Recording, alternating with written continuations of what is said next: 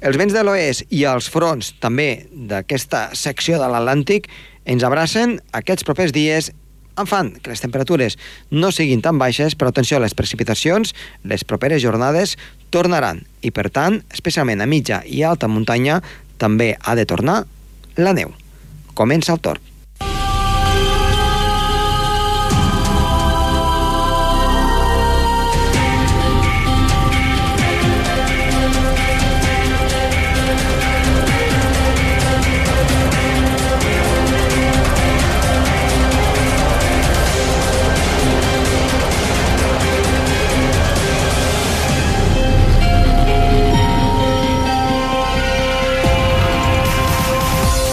Molt bona tarda, moltes gràcies per estar una vegada més darrere del seu transistor, des d'internet, des de qualsevol lloc de món o des del seu vehicle, que sabem que també ens escolten. Avui parlarem amb Roger Soler de doncs, el que és l'òptim pluviomètric, la zona on hi plou més de les muntanyes i el per què succeeix doncs, tota aquesta precipitació. I parlarem també de ciència, parlarem de 3D, parlarem de cap on ens porten les noves tecnologies. Ho farem amb el nostre company, amb Pere Moliner, que ens portarà doncs, les últimes novetats d'aquest abast científic. Vinga, som-hi!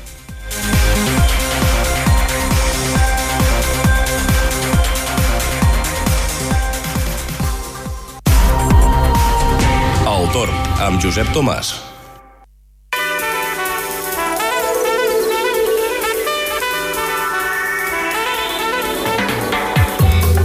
Iniciem el programa amb Roger Soler. Roger, molt bona tarda. Bona tarda, què tal? Molt bé, què ens portes aquesta setmana?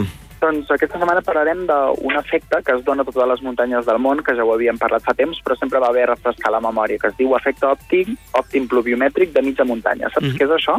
Doncs bé, eh, una mica a aquella zona on més hi plou i que tampoc és l'alta muntanya, però tampoc és les zones més baixes, no? Una Exacte. Mica... Sempre diem, és a dir, sempre diem que la pluja, la precipitació augmenta amb l'altitud, uh -huh. però és com una mena de curva, perquè als cims plou menys que no pas a les cotes mitges de les muntanyes, i a les cotes mitges de les muntanyes plou més que no pas a les valls, que és on es produeix l'ombra pluviomètrica, en principi, no? Sí, sí, sí. Per tant, l'efecte palanca de les muntanyes provoca que els sistemes muntanyosos rebin més precipitació i es formin tempestes, però les masses d'aire agafen, diguéssim, el max, la màxima saturació d'humitat a les cotes mitges. Aproximadament, si una muntanya té 2.500 metres, doncs cap a la meitat, cap als 1.500, 1.600, 1.700 metres, és on agafarà el màxim de saturació, on els vents faran efecte palanca, agafaran, diguéssim, el màxim de saturació de l'aire, al més del 100%, i és on descarregarà més precipitació.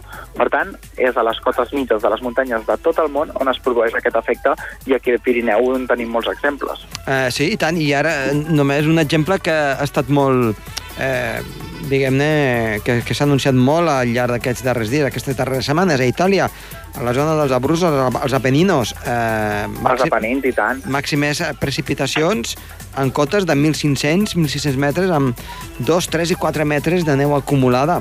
Eh, és una mica doncs sí. el que tu estàs dient ara mateix, no? Nevat més a les zones eh, mitjanes... Mitges, exacte. exacte. Que no pas a, a l'alta muntanya, i també doncs, aquí al Pirineu. Suposo que deu ser el mateix també amb, el, el, amb les pluges, no? Amb, amb les Exacte. llevantades que puguin haver Bueno, clar, depèn. L'efecte òptim de, de pluvimètric de mitja muntanya es dona quan tenim tot tipus de masses d'aire borrascoses, eh? Mm -hmm. Tant, tot tipus de precipitació orogràfica, frontal, però sobretot orogràfica i frontal, potser mm -hmm. no mhm. tant convectiva, perquè les tempestes, el nucli de les tempestes sí que es formen en zones de muntanya, però poden descarregar fort tant, tant a, si arriben a les zones de muntanya com si es desplacen a les valls, no? Mm -hmm. Però sobretot, tant a l'orogràfica com la, la frontal, destaquem que es poden produir aquests aquesta situació de màxima precipitació al, a les cotes mitges, diguéssim. Hi ha alguna explicació física de que pugui, doncs, eh, fer, diguem-ne, 5 cèntims del que... Perquè això no es produeix a l'alta muntanya, als cims de les muntanyes? Sí, precisa, precisament perquè l'efecte palanca uh. -huh. fa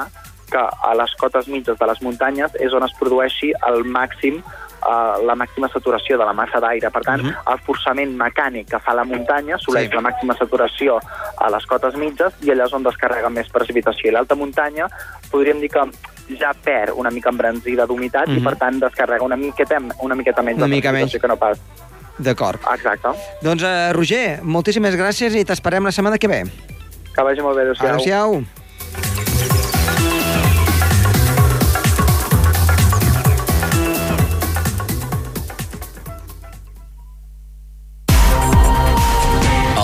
Amb Josep Tomàs.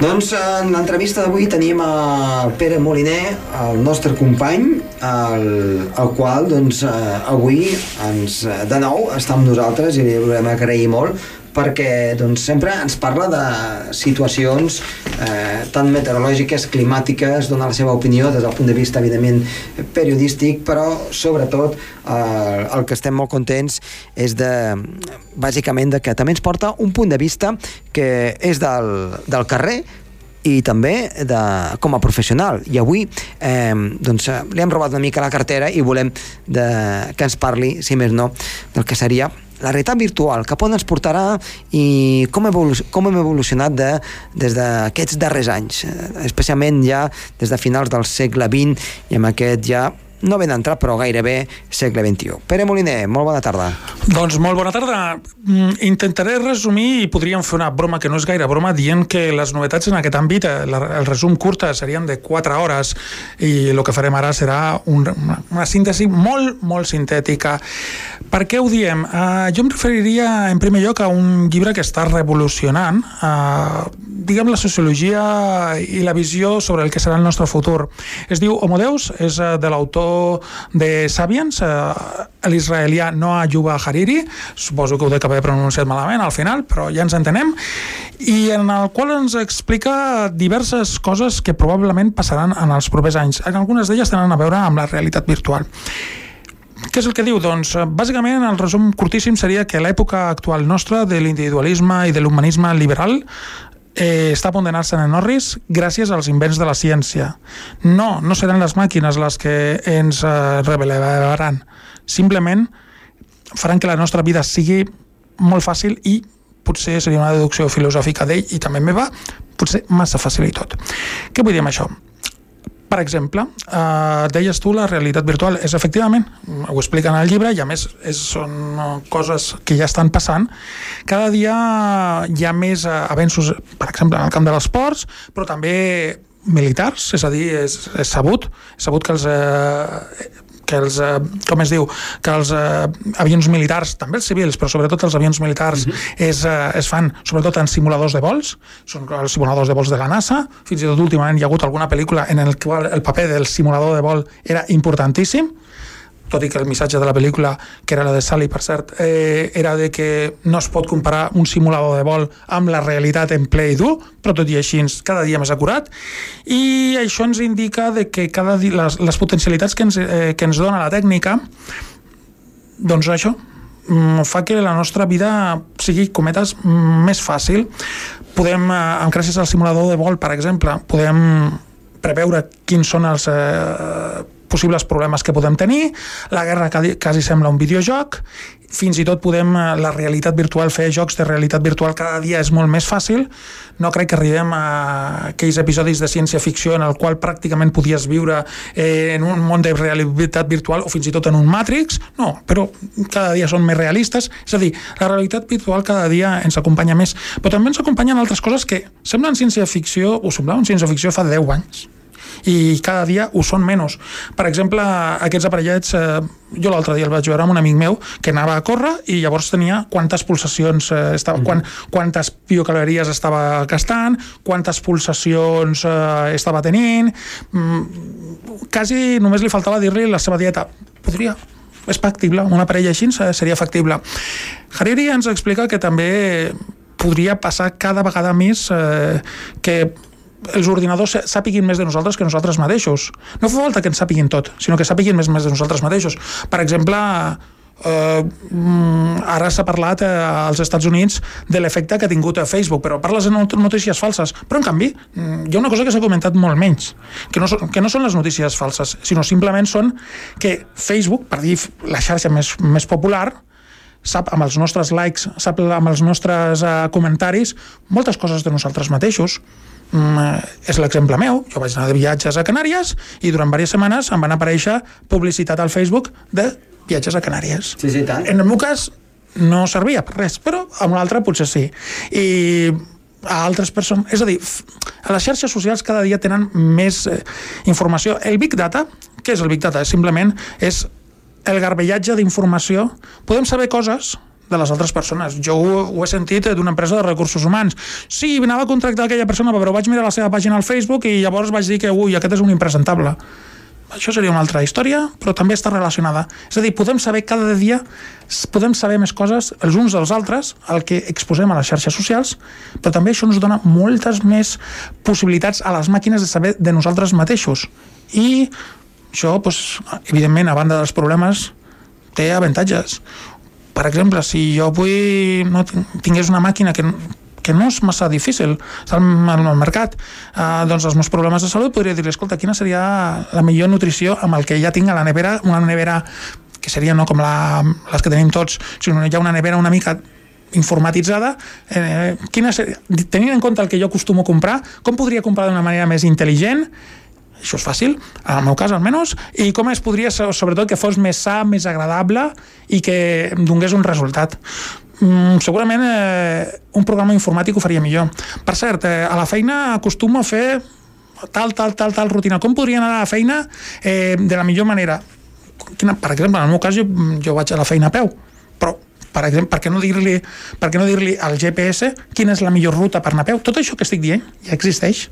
I això anirà a, a més. La realitat, estem parlant de, tant de la realitat virtual com de la, el, que les les màquines cada vegada saben més de nosaltres.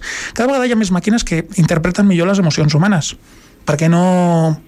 M'estic inventant, però per què no un psicòleg que vegi les nostres emocions i sàpigui com, com podem reaccionar? Això no és massa, massa, massa, massa ciència-ficció, de fet és només anar una miqueta més endavant de lo que ja estem ara.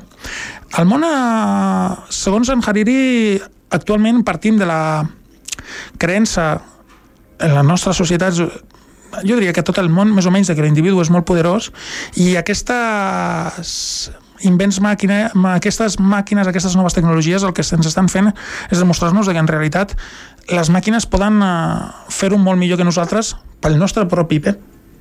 I aquí ja podríem entrar en una reflexió filosòfica, però bàsicament aquest és el món el qual estem anant. I també, clar, si cada vegada hi ha més eh, cotxes intel·ligents, cotxes automàtics, bueno, sí, es va, és, és cert que el primer cotxe automàtic eh, va tenir un accident i va provocar danys d'acord? Però se suposa que els perfeccionaran. Uh -huh. mm, fàbrica la, el que s'anomena la impressió 3D, que és el futur, el, el futur uh, de la tecnologia. Tot això són moltes possibilitats, evidentment també de riscos.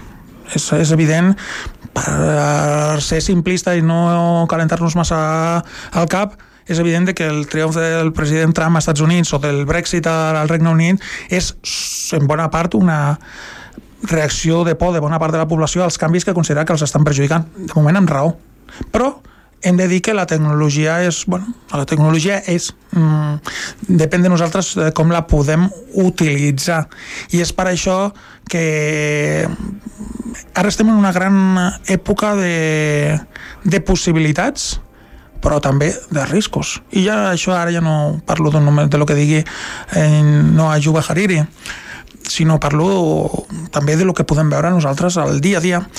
Fins ara, en els últims 230-240 anys, eh, la norma era de que sí, havien avenços tecnològics, però a mig i llarg termini aquests, eh, l'atur que havien creat es eh, recuperava perquè es creaven nous llocs de treball amb més, amb més base, més sòlids i amb més necessitats de coneixement i tal. Però ara no sembla que hagi de passar això. Potser sí, eh? però no sembla que hagi de passar això. I de, de, de totes maneres, el problema real és que fem en, mentrestant arribi a aquesta època de reequilibri, uh mhm. -huh. aquests 20, 30, 40 anys de reequilibri, perquè aquesta informatització que deies tu té una vessant curiosa, és a dir, un metge que pogués interpretar millor les meves afeccions. Evidentment, amb el meu historial, en principi, ja no dic que substituís el metge humà tradicional, però sí que podria fer bona part de les feines que fan el metge tradicional. Eh, les pulseretes que té el meu amic, que és el seu millor entrenador personal, és la pulsera del meu amic. La realitat virtual, avui en dia podríem passar-nos hores i hores amb una internet bàsica jugant a, a videojocs o fins i tot amb noves sèries de televisió, però ja estic parlant, per exemple, jugant amb la realitat virtual. Uh, cotxe, qui en teoria és més uh, segur? Un cotxe intel·ligent o els humans que moltes vegades tenim els problemes que tenim? no fa falta que siguin més, in, més totalment intel·ligents, sinó més intel·ligents que nosaltres. Jo m'ho paro a pensar fredament i les decisions que jo prenc de compra, el que bromejava abans, probablement una màquina les faria molt millor que jo. Uh -huh. De fet, de fet eh, et, et volia comentar um, la situació en la qual, eh, per exemple, els, es poden trobar les noves generacions, Facebook, eh, totes aquestes xarxes socials, um, si veritablement els que hem de dir és dir stop, no fiquis cap fotografia teva, no fiquis cap dada, teva, si et fas un correu electrònic no et fiquis el teu nom, fica un pseudònim o alguna cosa i mai et donguis a conèixer, perquè si no sabran la teva opinió i el que tu deies abans, no? eh, sabran tot el teu historial sense que ningú te l'hagi demanat, sabran totes les teves dades. Potser s'ha de canviar, eh, nosaltres hem caigut a la trampa, nosaltres ja no tenim res a fer, però les generacions que ara venen eh, de seguida eh, podrien, si més no, intentar preservar una mica la seva intimitat en aquest aspecte. Jo crec, però clar, el que vaig a dir i res és quasi el mateix. Uh, tu i jo som de les primeres generacions que han nascut i crescut amb la televisió. Els nostres pares eh, eren molt teleaddictes, nosaltres de joves ho érem més i ara ho som menys, simplement perquè tenim altres mitjans de consum però ho som encara força. Diguem que eh, nosaltres vam... Eh, nosaltres vam eh, vam eh, utilitzar la televisió d'una manera més intel·ligent que els nostres pares i avis i segurament els, eh, els nostres fills eh, utilitzin millor la televisió que nosaltres. Doncs amb, amb les noves tecnologies passa el mateix. És, hi ha un període d'adaptació. Mm -hmm. és, uh, és ara 40, 50 anys després de que la televisió es popularitzés a, al nostre entorn, que comença que les xifres de creixement exponencial de consum de televisió comencen a estabilitzar-se i potser baixar una miqueta. Simplement la majoria del consum és passat de la televisió a la tableta, a la tableta o al mòbil intel·ligent, eh? aquí no, o a l'ordinador, eh? o sigui, no, no ens enganyem, eh? però ja la televisió ja no és, ja és utilitzada d'una manera més intel·ligent, més complementària, no és tan abusiva. Ha costat uns 50 anys, però bueno, més o menys comença, comença a utilitzar-se. Doncs probablement amb les noves tecnologies el que està passant és que el mòbil intel·ligent va aparèixer als Estats Units el 2007, han passat a ni 10, sí, 10 anys, i en 10 anys, doncs clar, estem aprenent. És com internet va popularitzar-se fa 21 anys, 21 anys, 22 anys, i s'està, doncs, estem aprenent. És com el que et deia jo, estem en les beceroles d'una revolució, d'una nova revolució tecnològica. On ens portarà? No en tinc ni idea, però és evident de que estem doncs, eh, de que estem a, poc a poc a, aprenent, a, base de suma i error. I jo explicaré una anècdota tonta meva personal per explicar per què no crec que sigui tan greu aquest eh, control que fan de les nostres vides. Tinc un conegut que em cau molt bé, que per la xarxa social Facebook, pobre, ara s'enterarà, però espero que no escolti, eh, m'envia missatges de la seva associació, que no diré el nom per, per pena, però jo li dic sí, sí, m'agrada, m'agrada, però la veritat és que m'interessa gens. I això ho fem sovint, moltes vegades. Doncs si algú mirés el, el meu Facebook arribaria a conclusions molt correctes, però també arribaria a la conclusió de que a mi m'encanta aquesta associació que, que realment no m'interessa gens, només ho faig per, per pietat amb el meu conegut. Uh mhm. -huh. Doncs això és el que crec que pot passar. Eh, els sistemes de control, tots els sistemes de control poden fallar de que els humans eh, tenim virtuts i tenim defectes, entre els quals els defectes, acabo de reconèixer un d'ells, és que mentim. Jo he estat enquestador i les enquestes podrien servir per controlar-nos, però últimament estem descobrint que la gent menteix o no diu massa la veritat a les enquestes i això potser només és un 2, un 3, un 4% que ho fan, però ja distorsiona els resultats. Doncs um, una mica seria una partida d'escacs entre les màquines i, i els humans. Veurem, veurem, veurem com acaba. Pere Moliner, eh, moltes gràcies per estar una vegada més aquí amb nosaltres. A vosaltres.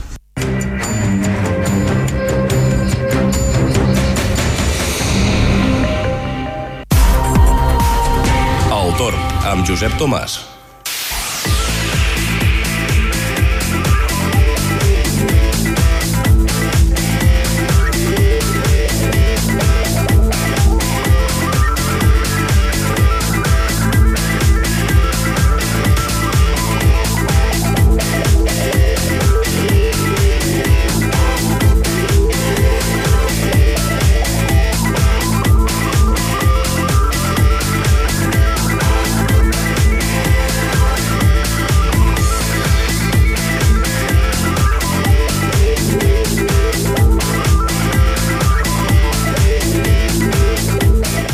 Doncs som-hi eh, per la previsió meteorològica per aquest cap de setmana que sembla que està complicada. I és que, de fet, ens arriben diferents fronts.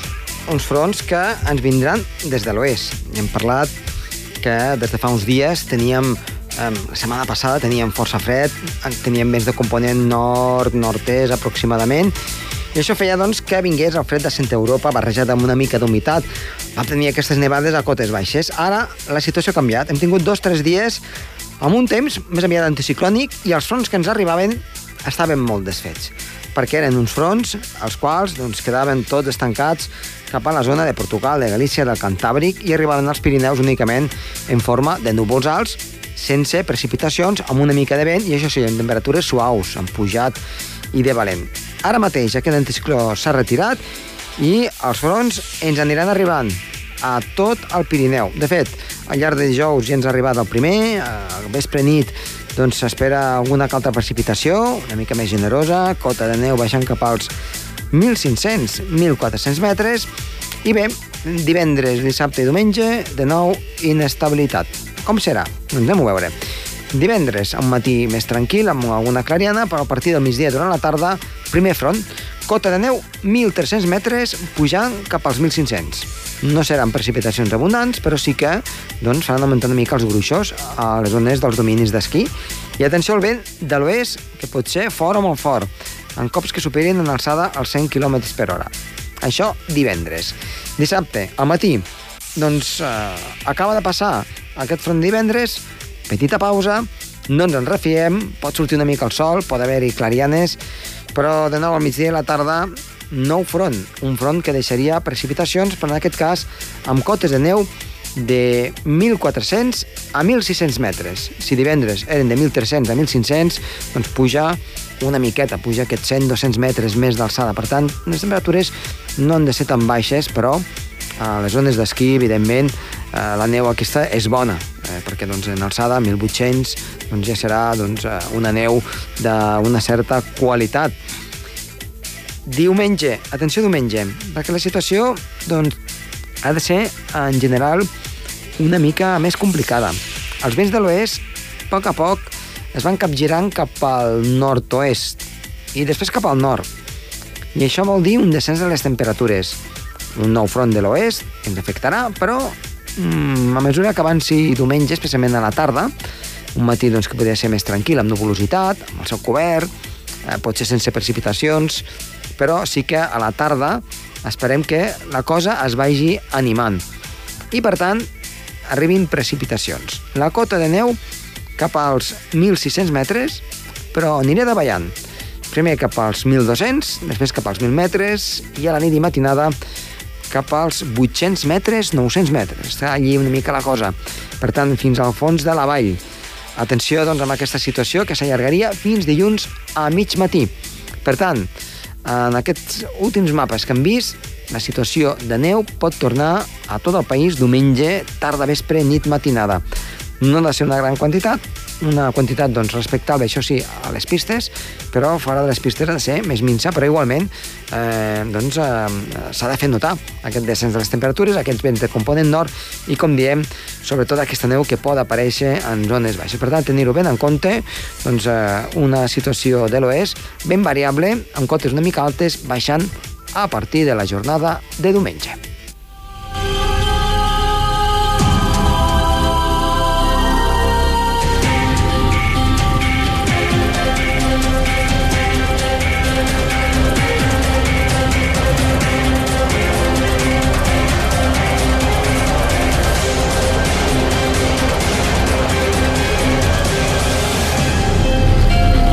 Fins, I fins aquí el programa d'avui. Estat de les vies de so, el nostre tècnic, Andreu Trastoi, que us ha parlat de molt de gust, Josep Tomàs. Tornem la setmana vinent. Adéu-siau. El Torn, amb Josep Tomàs.